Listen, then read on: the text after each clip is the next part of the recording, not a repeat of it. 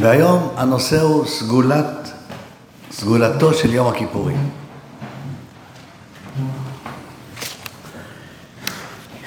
הרבה חשבתי על זה. בעיקר, מה המיוחד ביום הזה שהוא יוצר כאין מסננת לעבירות. במיוחד לדעת רבי יהודה הנשיא שאומר עיצומו של יום מכפר, עצמו של יום. אנחנו יודעים שתשובה מכפרת, כי זה שינוי המעשה, ייסורים מכפרים, כי זה צער, מיטה מכפרת, כי זה כאב, פירוק הכל. משהו מתרחש. אבל מה קורה ביום הכיפורים? מה, יום אחד עוברים אותו, פתאום כל העוונות לא עוברים את היום הזה, לא עוברים את המסך הזה? מה זה, פלא, נס? מה מסתתר מאחורי זה? כי ביום הזה יכפר עליכם, לטהר אתכם מכל חטאותיכם לפני השם תטהרו. יש שני פסוקי מפתח של יום הכיפורים. זה פסוק ראשון, פסוק שני, עוד מעט תזכיר אותו.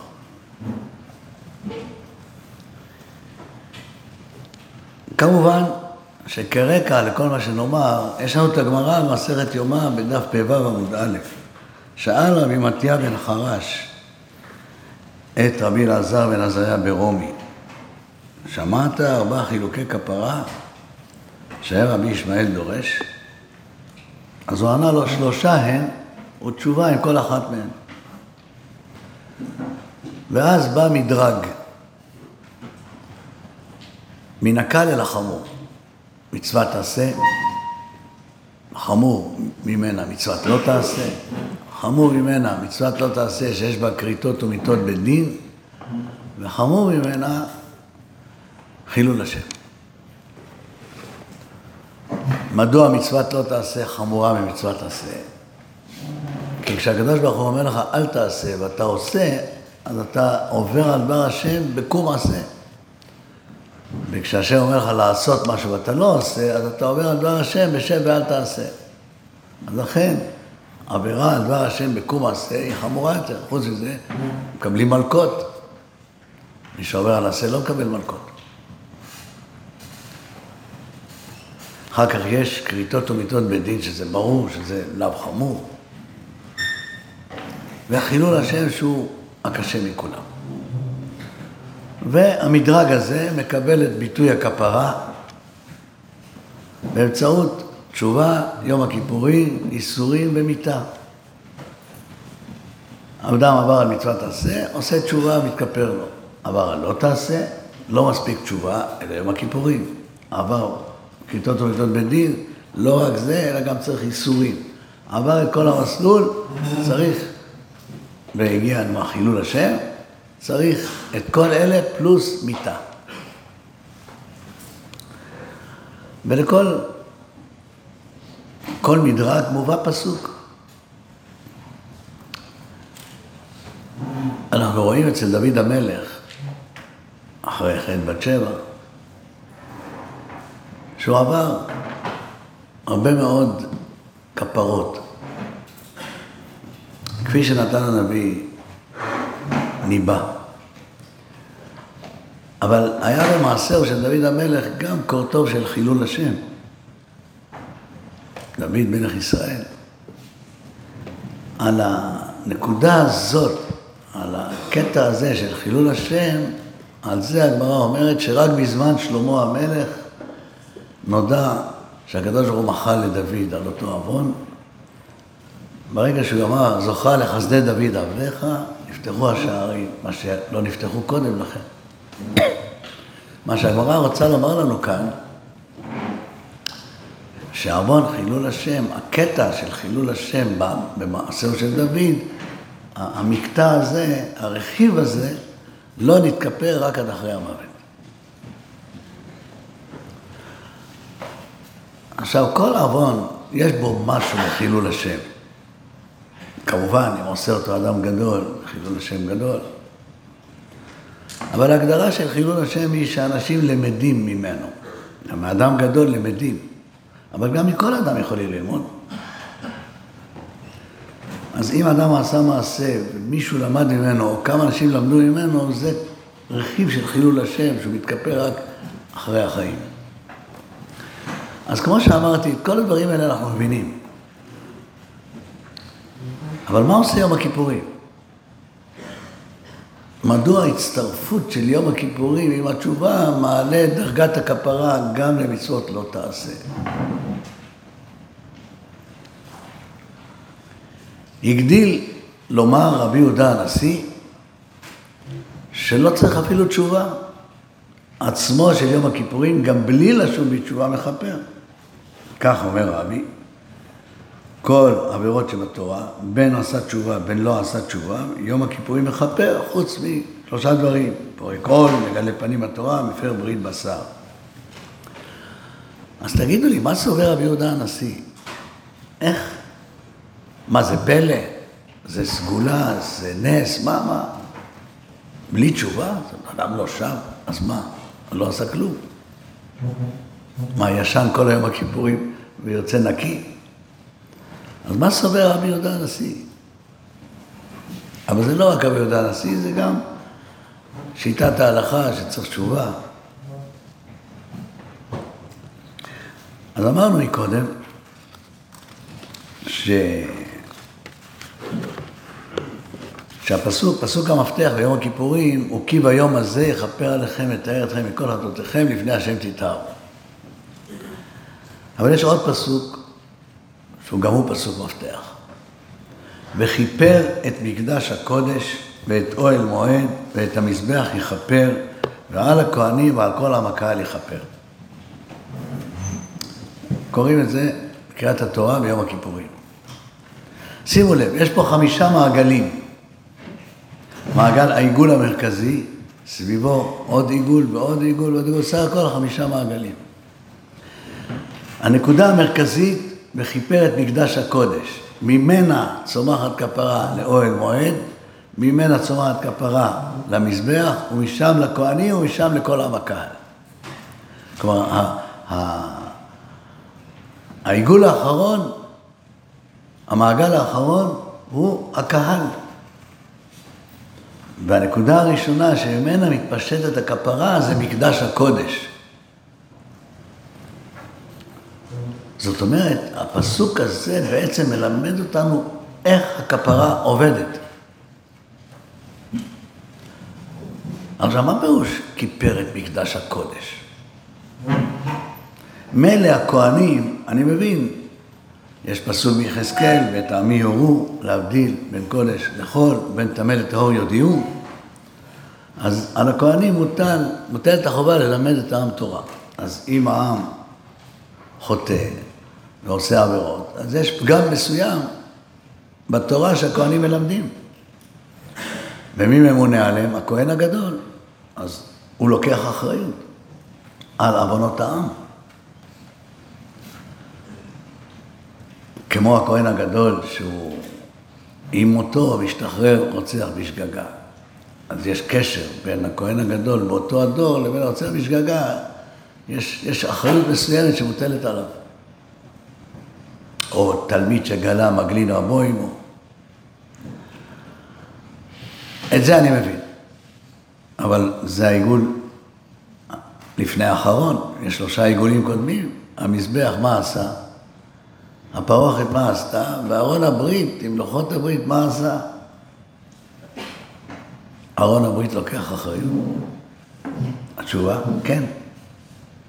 זה פלא. מי זה ארון הברית? התורה, לוחות הברית. מי נתן את לוחות הברית? הקדוש ברוך הוא. אז מה, הקדוש ברוך הוא נושא במשהו מן העוון? התשובה, כן. זה כתוב בפירוש. ביד מידות כתוב נושא עוון? מה זה נושא עוון? לא סתם מכפר על העוון, אלא נושא בחלק מהאחריות לעוון של האדם. איך? על ידי זה שהקדוש ברוך הוא אפשר לרע להיווצר בעולם. כל הבריאה כולה בר טוב ויש בר רע. הקדוש ברוך הוא ברא אותה באופן כזה, עם עולם של חומר, שיש בו בחירה חופשית, ואז נוצר רע. אז הקדוש ברוך הוא אפשר לרע לבוא לידי ביטוי.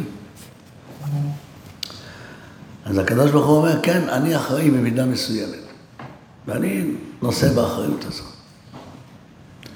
יש ביטוי בגמרא שהוא הרבה יותר חריף.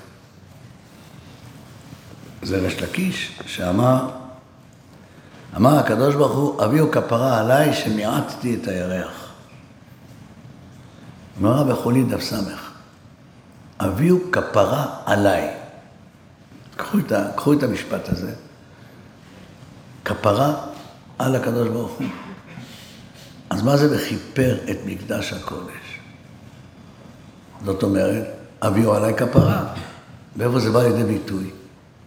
בהזעת דמים על הכפורת, כלומר לפני הכפורת, לפני ארון הברית. עכשיו נחזור רגע לפסוק, וכיפר על הקודש, לא הזכרנו את זה, מטומאות בני ישראל. הגמרא מדברת הרבה על טומאת מקדש וקודשיו. כשאנחנו חושבים על טומאת מקדש וקודשיו, על מה אנחנו חושבים? שנכנס טמא, שנכנס שרץ, שנבלה נכנסה. אני לא מבין, להיכל היו מכניסים שרצים, נבלות, אנשים היו מתים שם, מה, ועוד קודש הקודשים, פעם אחת בשעה נכנס הכהן הגדול. אז מהי טומאת מקדש וקודשיו? במובן הטומאה הרגיל שאנחנו מדברים. אבל תראו את הפסוק, וכיפר על הקודש מטומאות בני ישראל ומפשעיהם לכל חטאותם. זאת אומרת, הטומאה הזו יכולה להיות טומאה רגילה, אבל בעיקר היא טומאה שנובעת מן העוון והפשע של עם ישראל. שהם גורמים טומאת עוון לקודש ולקודשיו. זה טומאת מקדש וקודשיו. ואם נשאל איך עוון בני ישראל גורם טומאה לקודש, זה מה שאמרנו מקודם. כי עוון בני ישראל הוא מזכיר את מושג הרע שהקדוש ברוך הוא אפשר לו לבוא לעולם.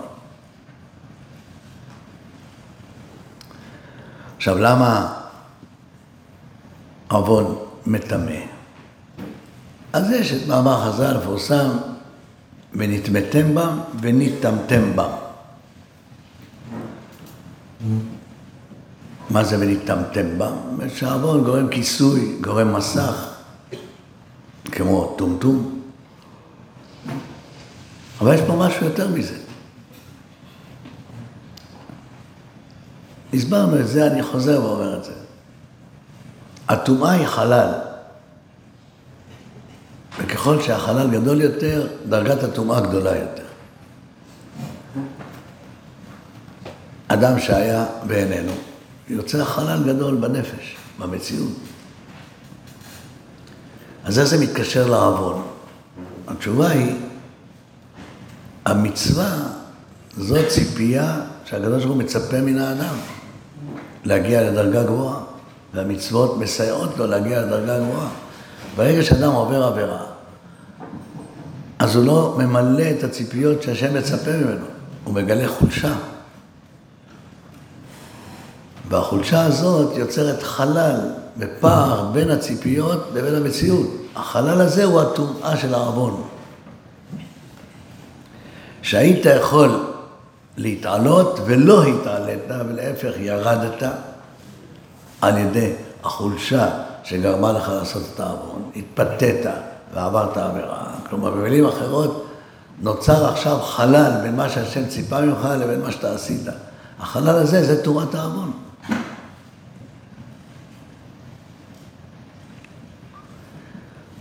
אז אם כן, חוץ מאשר שהקדוש ברוך הוא אפשר את הרע בעולם, ואת זה אליהו הנביא אמר בפירוש, והגמרא גם כן מביאה את זה בפירוש.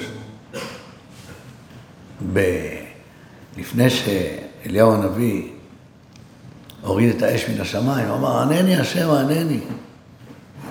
ואז הוא אומר, וידעו כל העם הזה כי אתה השם אלוהים, ואתה הסיבות את ליבם אחורנית. והגמרא מציגה את המילים האלו כהטחת דברים כלפי מעלה. כמובן שזה לא שייך לומר, אתה הסיבות את ליבם פירושו שאתה הובלת אותם לעבוד.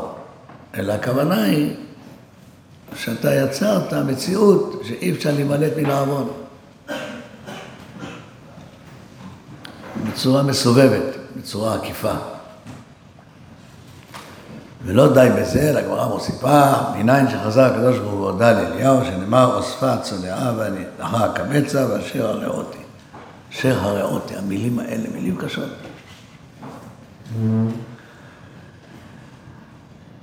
כעת, גם הגמרא אומרת שכסף וזהב שהשפעת עליהם, זאת אומרת, יש פה כל מיני גורמים ש, שהובילו לקראת אהרון. אבל יש יותר מזה. יש מצב שבו הקדוש ברוך הוא מעניש את החוטא. כשהקדוש ברוך הוא מעניש, הוא עובר על מידותיו. כי מידותיו הם רחום וחנון, ערך אפיים, אב חסד. אז כאילו שהעוון שלנו גורם לעוון, לעוון שהקדוש ברוך הוא עושה. כי הוא עובר על מידות החמים, הוא לא רוצה להעניש, הוא רוצה לעשות טוב. זה נגד רצונו. כלומר, לא רק העוון נגד רצונו, אלא העונש הוא נגד רצונו. כמו שמורה מעניש תלמיד, הוא לא רוצה להעניש אותו, אבל... אז התלמיד חוטא פעמיים, פעם שהוא עבר על דברי המורה, פעם שהוא גרם למורה להעניש אותו, גורם לו עוגמת נפש. אבל לא רק זה, יש פה בעיה שכאשר עם ישראל נענש וגולה ומתפזר, אז הגויים אומרים, עיין אלוהיהם. בטענה הזאת השתמש משה רבנו כשהוא אמר למה יראו מצרים ברעה הוציאם להרוג אותם מהרים ולאכל אותם מעל פני האדמה.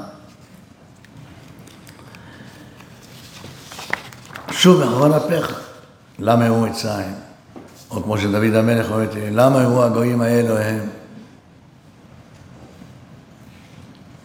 ואיפה מוצאים שהקדוש ברוך הוא מצטער על זה שצריך להעניש? יש פסוק בירמיהו י"ב, עזבתי את ביתי, נטשתי את נחלתי, נתתי את ידידות נפשי בכף אויביה. כלומר, הקדוש ברוך הוא מקונן על העונש שהוא נתן. במילים אחרות, אני לא רוצה להעניש, אבל אהרון מחייב, הכללים שקבעתי מחייבים, זה התיקון. הקדוש ברוך הוא רצה להנחיל לישראל את ארץ ישראל, להושיב אותם במדבר, זה גם צער לפני הקדוש ברוך הוא. כלומר, אנחנו רואים כאן שיש, הקדוש ברוך הוא לוקח אחריות, א', על יצירת מציאות שיוצרת עוון, ב', גם עובר על מידותיו כשהוא מעניש, ג', יש פה חילול השם על ידי הגויים. הפסוק אומר, ויבואו אל הגויים אשר באו שם ויחללו את שם קודשי, איך? ואמור עם השם אלה ומארצו יצאו.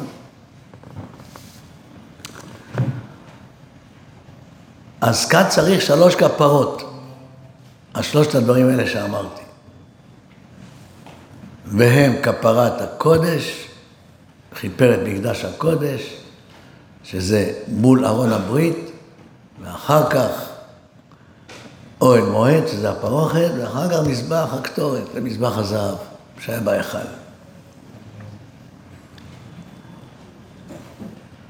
ואיך הכפרה הזאת עובדת? על ידי הזעת דמים. מאיפה באו הדמים האלה? מווידויו של כהן גדול ואחיו הכהנים. על הפר ועל השעיר. השעיר נעשה בפנים.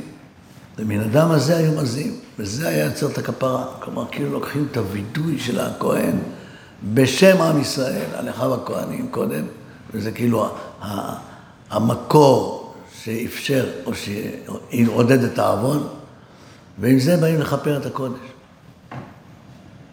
שהקדוש ברוך הוא מלך העולם שאין מעליו אף אחד, והוא לוקח אחריות ומבקש מאיתנו לכפר עליו. תארו לעצמכם.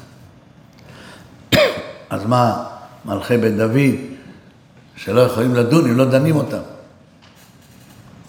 אז רק אם אתם רוצים קצת להבין את הצדק האלוקי, ועד איפה צריך לקחת אחריות, ועל איזה דקויות. אז בגדול, איך הכפרה משתלשלת? זה לא סתם עצמו של יום מכפר, אלא יש פה הזעת דמים. אני מדבר כשבית המקדש היה קיים, אחר כך נגיע אחרי החורבן. כל עם ישראל מתענה ומתכנס ומתפלל, לכן הוא אסור במלאכה. מקראי קודש, צריכים להיות קרואים לעבודת הקודש, ואם אתה מתיר מלאכה, כל אחד עסוק במלאכתו. אז זה לכוון את דעתם. תוסיף לזה את התענית, כל עם ישראל מכוון למקום אחד, לכהן הגדול, לכפרת הקודש. כלומר, אנחנו צריכים להצטער על זה שפגענו בקודש, שפגענו בקדוש ברוך הוא. שבגללנו הוא צריך להגיד, אביהו עליי כפרה. אני אומר תמיד, אלו דברים שלא קל לקבל אותם, אבל הם אמת, מה לעשות? אני אמרתי שכל אדם שעושה דברים טובים, עושה חסד עם הבריות, הוא עושה חסד עם הקדוש ברוך הוא. למה קשה לקבל את זה? מה, יש מושג כזה שנקרא לעשות חסד עם הקדוש ברוך הוא? תשובה כן. זה שהקדוש ברוך הוא אומר, מי ייתן והיה לבבם זה להם לבד. מה זה מי ייתן? הלוואי. אז אם אתה מקיים את ציפיותיו של הקדוש ברוך הוא, אתה עושה איתו חסד, יכולת לא למלא את הציפיות של הקדוש ברוך הוא, אז הייתה אכזבה. אבל יותר מזה אני אמרתי, שהקדוש ברוך הוא, שהוא מקור הטוב בעולם, עצם העובדה שהוא נותן ומעניק טוב לבני אדם, הוא יוצר את הרע. כי ברגע שאדם מתחיל לקבל, אז הוא מתרגל לקבל, הוא חושב שהכל מגיע לו. אז שורש הרע הוא בקבלת הטוב. זה פרדוקס, שהטוב יוצר את הרע. ואיך מתקנים את זה? על ידי זה שמי שמקבל את הטוב, ימשיך את הטוב לאחרים. אתם מבינים מה שאני אומר עכשיו? שכל טובה שאתם עושים למישהו, כל טובה שאתם עושים למישהו, אתם עושים חסד לבורא עולם, שעכשיו הוא נקרא טוב שלא יוצר רע, אלא טוב שיוצר טוב. אדם שמקבל את הטוב ולא עושה חסד, הוא הופך את הטובה שהקדוש ברוך הוא נותן לו, את החיים שנותן לו, הקדוש ברוך הוא יוצר רע. זה דבר נורא. זאת אומרת, כשאתה עושה טוב, אתה גומל חסד עם בורא עולם. כשאתה עושה רע, אתה מצער את בורא עולם. זה היה הצער האלוקי בדור המבול, והתעצב אל ליבו. זאת אומרת, בואו בוא נשתמש בלוח מינוחים חדש. כשאנחנו רוצים להגיד למישהו, תעשה טוב, זה לא כדי שיהיה לך טוב, אלא כי אתה עושה טובה לקדוש ברוך הוא. וכשאדם רוצים להזהיר מישהו, אל תעשה עוון, במקום להגיד לו, אתה גורם נזק לעצמך, נגיד לו, אתה מצער את בורא עולם. שנאמר, ויתעצב בליבו. אז כשעם ישראל מתענה ומכוון את פניו לכהן הגדול, הוא כאילו אומר, מה עשיתי? הכהן הגדול עכשיו צריך ללכת לבית קודש הקודשים, לכפר על מי? על הקדוש ברוך הוא, בגלל העוון שאני עשיתי. זה כאילו הנקודה הראשונה שמובילה את הכפרה על האדם. כשאדם מצטער על צער השכינה. יותר מאשר הוא מצטער על מה שהוא חטא. עכשיו, למה דווקא יום הכיפורים?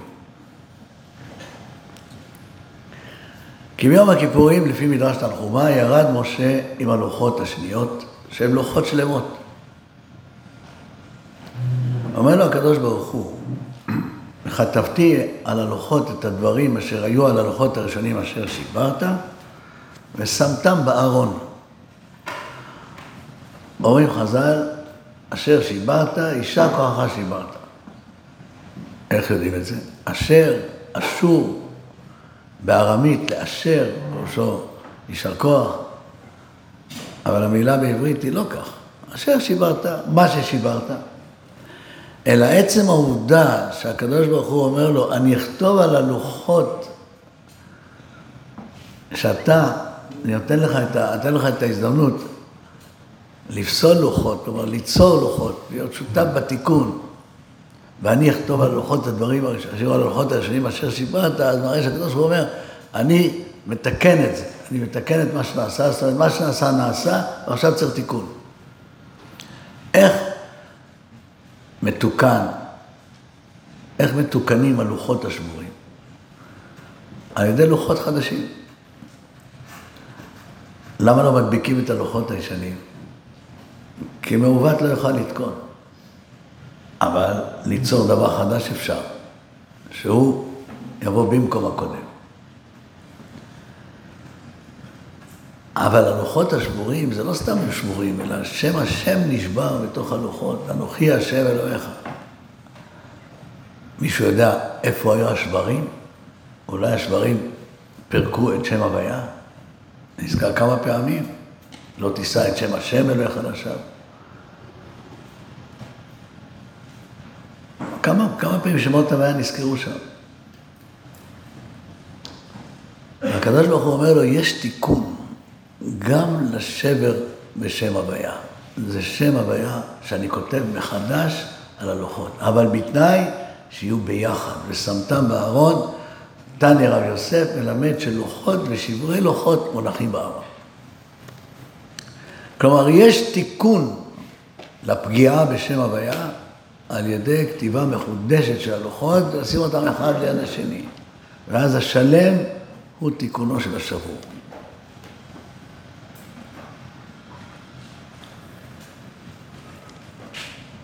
כלומר, בשעה שאדם מקבל על עצמו ללכת בדרך חדשה, שלמה, זה יכול לתקן את השבר, לא על ידי שהשבר נמחק, אלא שהשלם עומד ליד השבר. יש שבר, יש שלם. יש משהו חדש. השבר הוא כדי שתזכור לא לחזור למקום ההוא.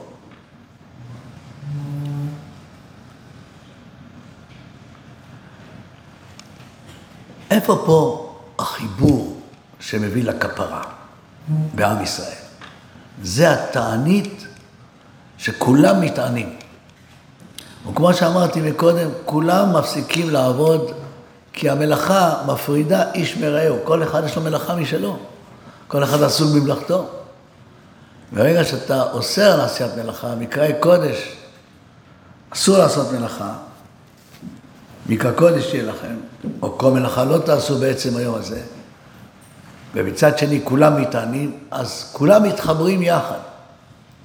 החיבור הזה, יש בו כפרה על השבר שחולל העוון. כלומר, כל עם ישראל מתכנס למטרה אחת, כמו שאמרנו מקודם.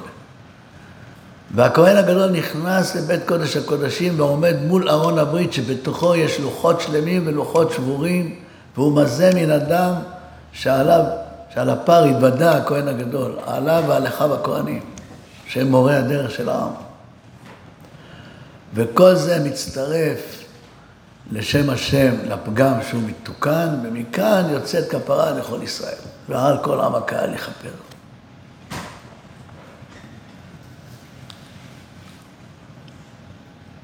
וזה מכפר גם על עוון היחיד וגם על עוון הקהל כקהל. מה קורה כאשר אין מקדש? כל הבניין שבנינו עכשיו יושב על מקדש הקודש, ועל אוהל מועד ועל המזבח. עכשיו פתאום כל שלושת הכפרות הראשונות חסרות, אז מאיפה תצמח היום הכפרה?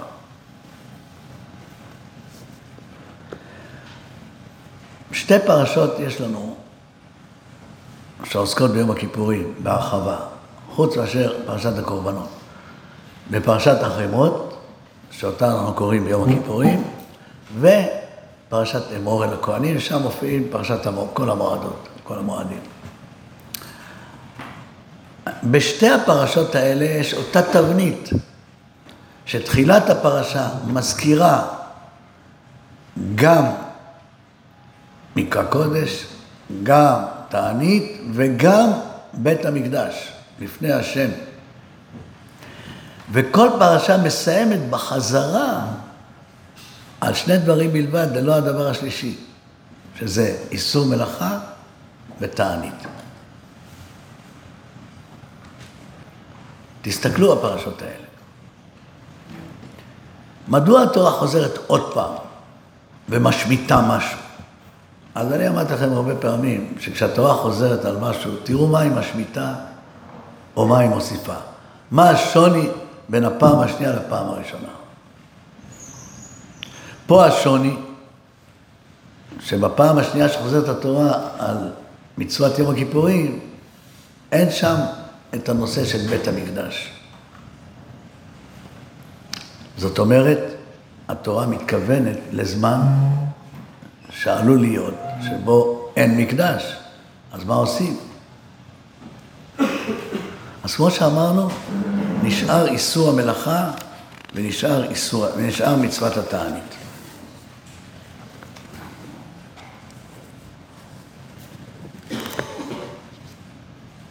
אז היום אין בית מקדש, אתה לא יכול לכוון לכהן הגדול. למרות שאנחנו קוראים את, ה...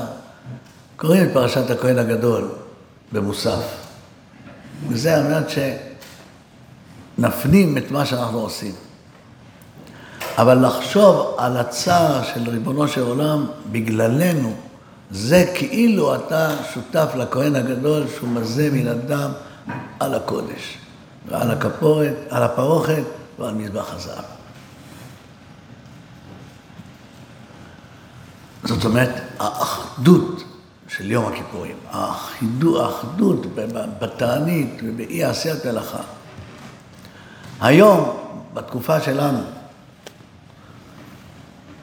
שגם החילונים שלא מקיימים מצוות, אבל יום הכיפורים, רוב רובו של העם, חוץ מהגויים, תוציאו את הגויים, אלה שלא התגיירו מעולם, באו גויים לארץ, רוב רובו הגדול של העם שותף ליום הכיפורים. או בתענית, אז לא באים לבית הכנסת, יושבים בבית, אבל לא אוכלים. או שבאים להתפלל. אחת מן השתיים. וזה הופך את כל העם לעם אחד.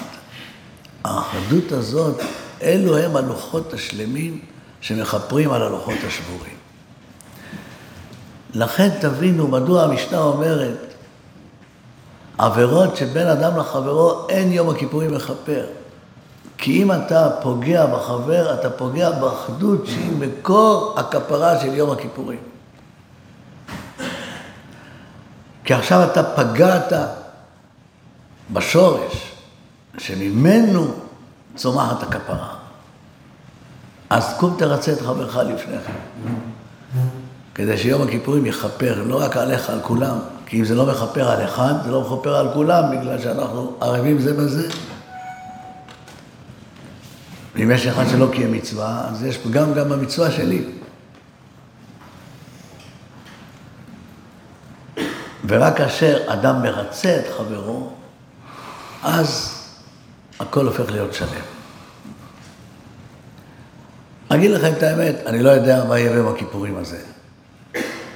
אחרי כל השבר שנוצר במשך השנה, והכעסים והשנאות, איך, איך, איך יום הכיפורים יקבל את כוחו?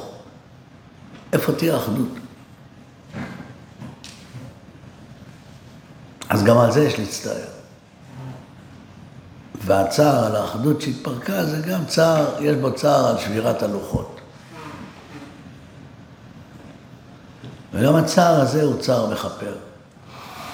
אז אם שאלנו איך יום הכיפורים מכפר, הוא מכפר בזכות הכפרה, כפרת הקודש והמקדש והצער על צער השכינה ועל ההתחברות של כל העם זה לזה.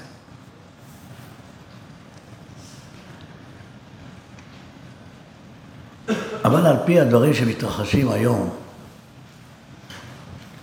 בעולם ביחס לעם ישראל. אין ספק שאנחנו עומדים בפני כל מיני תופעות מאוד גדולות,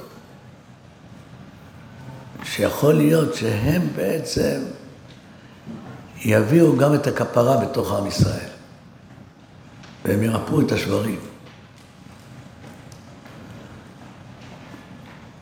רק אתמול הצהיר מלך ערב הסעודית בריאיון שהיה לו, שהשלום עם ישראל יהיה ההסכם הגדול ביותר מאז המלחמה הקרה בין רוסיה לארה"ב, כלומר, משהו כמו שהחמישים, שישים שנה לא היה. הוא אומר את זה.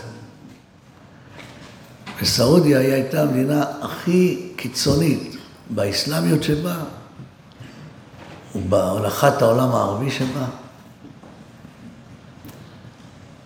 וכך הוא מדבר על ישראל. הוא אומר, לא אכפת לי מי שינהיג את ישראל. הוא אומר, כל יום יש התקדמות. וארצות הברית משחררת את פני ראש ממשלת ישראל שיסכים שיעשה טובה, כי זה עוזר להם, לאינטרסים שלהם, מה שהם צריכים. וזה יוביל למערכת שתחבר את אסיה ואפריקה, מסילות ברזל שחברו את סעודיה עם לוב, עם ישראל, עם טורקיה, עם אירופה, מה זה דברים? כאשר ישראל נמצאת במרכז, כולם צריכים אותה. אתם קולטים את הדברים האלה, מה, מה, מה מתרחש פה? איך קרן ישראל עולה בעולם ברמות שאי אפשר לתאר. צריכים שאנחנו נסכים כדי לתפור את כל, ה, את כל המערכת הזאת. זה קרה, זה קרה אתמול. זאת אומרת, זה, זה מתמשך הרבה זמן, אבל אתמול זה קיבל ביטוי חזק מאוד. יכול להיות שהמהלך הזה, כשיבשיל, הוא ירפא את השברים בתוך עם ישראל. אינני יודע.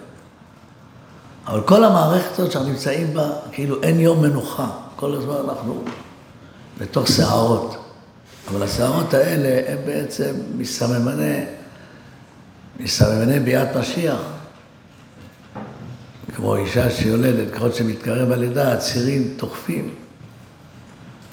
בהתחלה קמעה קמעה, ואחר כך ככל, ש... ככל שהזריחה מתקרבת, אז זה... הכל מתקצר. הזמנים מתקצרים, והתופעות הן חזקות מאוד. אז אולי זה, בעצם השבר הזה, הוא הציף למעלה את הבעיות הקשות מאוד שקיימות בעם ישראל, ואחרי שמציפים אותם, מתחוללים אירועים גדולים בעולם שהם משפיעים בחזרה, ויכול להיות שהם יסייעו לאבד את זה. בכל מקרה, אנחנו ממתינים להופעת השם.